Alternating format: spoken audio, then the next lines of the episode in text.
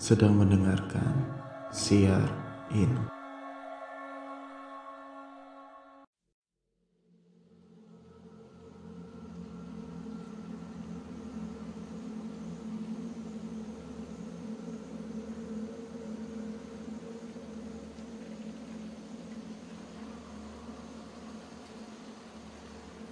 Halo teman-teman semuanya, apa kabar kalian semua? Semoga sehat selalu ya. Aku sekarang lagi take podcast di jam 1.52 pagi uh, di hari Kamis Kliwon. Jadi mungkin sekarang jatuhnya malam Jumat. Dan sebelum take podcast ini aku tuh udah merasakan feel-feel horor gitu. Aku udah merinding nih dari tadi bahkan aku tadi sempat keluar dan aku ngeliat wah ternyata malam ini ada bulan purnama. Di mana kalau aku kecil itu inget bulan purnama itu pasti identik sama film-film horor. Jadi beberapa film tuh aku nonton gitu kalau misalkan udah yang di shoot itu bulan purnama tuh langsung ada suara au! Jadi ya keinget itu aja sih sedikit. Oke langsung aja ya kita ke ceritanya. Aku menyiapkan cerita yang cukup membuat aku merinding. Di mana saat aku bikin draftnya sambil aku menulis cerita ini aku tuh kayak memvisualisasikan gitu di dalam pikiran aku dan wah serem banget sih. Jadi menurut aku ini cocok banget nih untuk aku bacakan sekarang. Kali ini kita mendapat cerita dari seseorang yang bernama Ardi pernikahan. Kalian tahu kan, kalau menikah itu adalah janji suci yang dilakukan dengan seseorang yang kita rasa tepat. Kira-kira begitu menurut pandangan Ardi. Ini adalah cerita Ardi saat datang ke kampung halaman istrinya di daerah Pulau Jawa dalam rangka berziarah ke makam leluhurnya. Pada saat itu posisinya Ardi ini masih menjadi calon suami dan keluarga besar dari istri yang ada di kampung itu meminta Ardi datang ke situ dengan tujuan apa ya, istilahnya itu kayak cocok nggak nih di sini. Singkat cerita di hari H jalanlah Ardi ke sana. Tempatnya lumayan jauh di mana memakan waktu perjalanan yang cukup lama Ardi itu berangkat menggunakan mobil di pagi hari sekitar jam 7 lalu sampai ke kampung halaman istrinya itu siang-siang sore jam 3an gitu.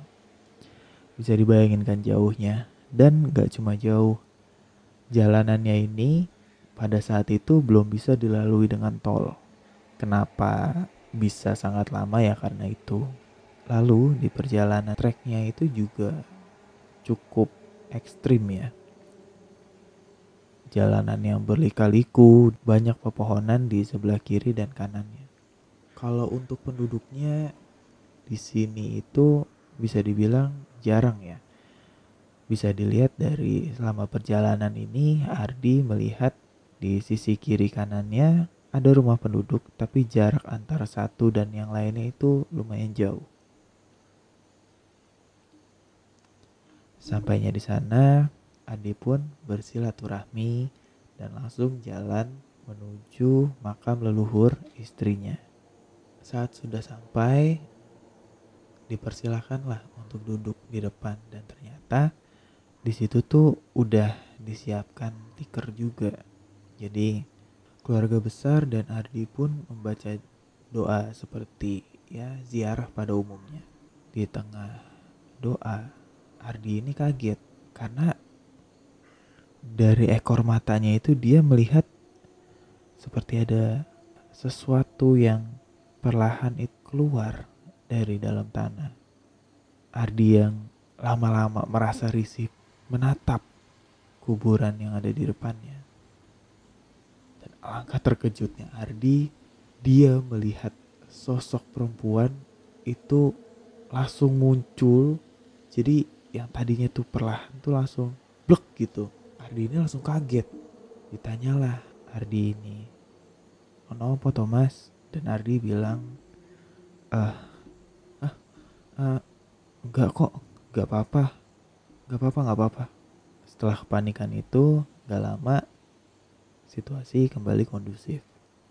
Nah ternyata setelah selesai ziarah dari makam leluhur yang ini masih ada satu lagi tempat yang harus diziarah ke sana satu tempat ini atau makam yang lainnya ini ada di desa sebelah jadi perlu jalan yang ya agak jauh dan suasana juga semakin mencekam karena hari itu sudah mau maghrib. Sesampainya si Ardi ini di makam leluhur yang satunya lagi, Ardi ini melakukan doa seperti tadi dan ternyata di sana juga sudah disiapkan tikar. Dan lagi-lagi di tengah doanya ini Ardi menangkap dari sudut matanya bahwa di sebelah kanannya itu ada banyak sosok anak kecil yang sangat hitam. Ardi yang gak fokus pun langsung kembali memfokuskan dirinya untuk berdoa. Tapi semakin lama Ardi ini tiba-tiba menangkap juga dari sudut matanya yang sebelah kiri dia melihat ada sesosok kepala dengan rambut jimbal tapi kali ini nggak dihiraukan karena mungkin sebelumnya udah kaget atau dia nggak mau bikin suasana ini jadi tambah canggung singkat cerita acara berdoa selesai dan Ardi ini kembali ke rumah istrinya. Nah, karena situasinya sudah mulai malam, Ardi ini disarankan untuk menginap di sana karena jaraknya itu kan lumayan jauh dan di kampung ini kalau ada orang dari kota apalagi jaraknya jauh biasanya itu disarankan untuk nginap dan dijamu dengan meriah di sana ya ciri khas masyarakat desa yang ramah dan masih banyak di sana. Saat dijamu itu, keluarga dan tetangga itu pada ngumpul di rumahnya istrinya Ardi ini. Di tengah lagi ngobrol-ngobrol gitu, tiba-tiba Ardi bicara, e, anu tadi aku lihat kepala. Semua orang di situ kaget dan langsung disambut antusias dengan berondongan pertanyaan. Kepala di mana mas? Kayak gimana bentuknya? Di sebelah mana mas lihatnya? Nah Ardi ini itu dicolek sama mertuanya yang kebetulan ada di sampingnya dia. Terus karena dia mengerti situasi, Ardi bilang, enggak, tadi aku lihat batok kelapa dikirain kepala. Tawalah semua tetangganya dan saudara-saudaranya. Malam semakin larut, tetangga pulang dan situasi rumah jadi sepi di mana hanya ada Ardi dan keluarga dari istrinya. Mertuanya atau bapaknya istrinya ini bertanya.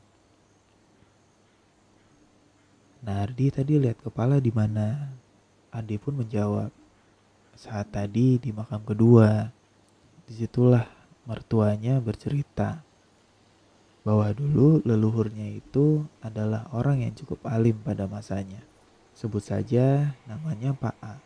Pak A ini cukup terkenal di sana dan sering mengobati orang-orang yang sakit non medis dengan cara yang baik.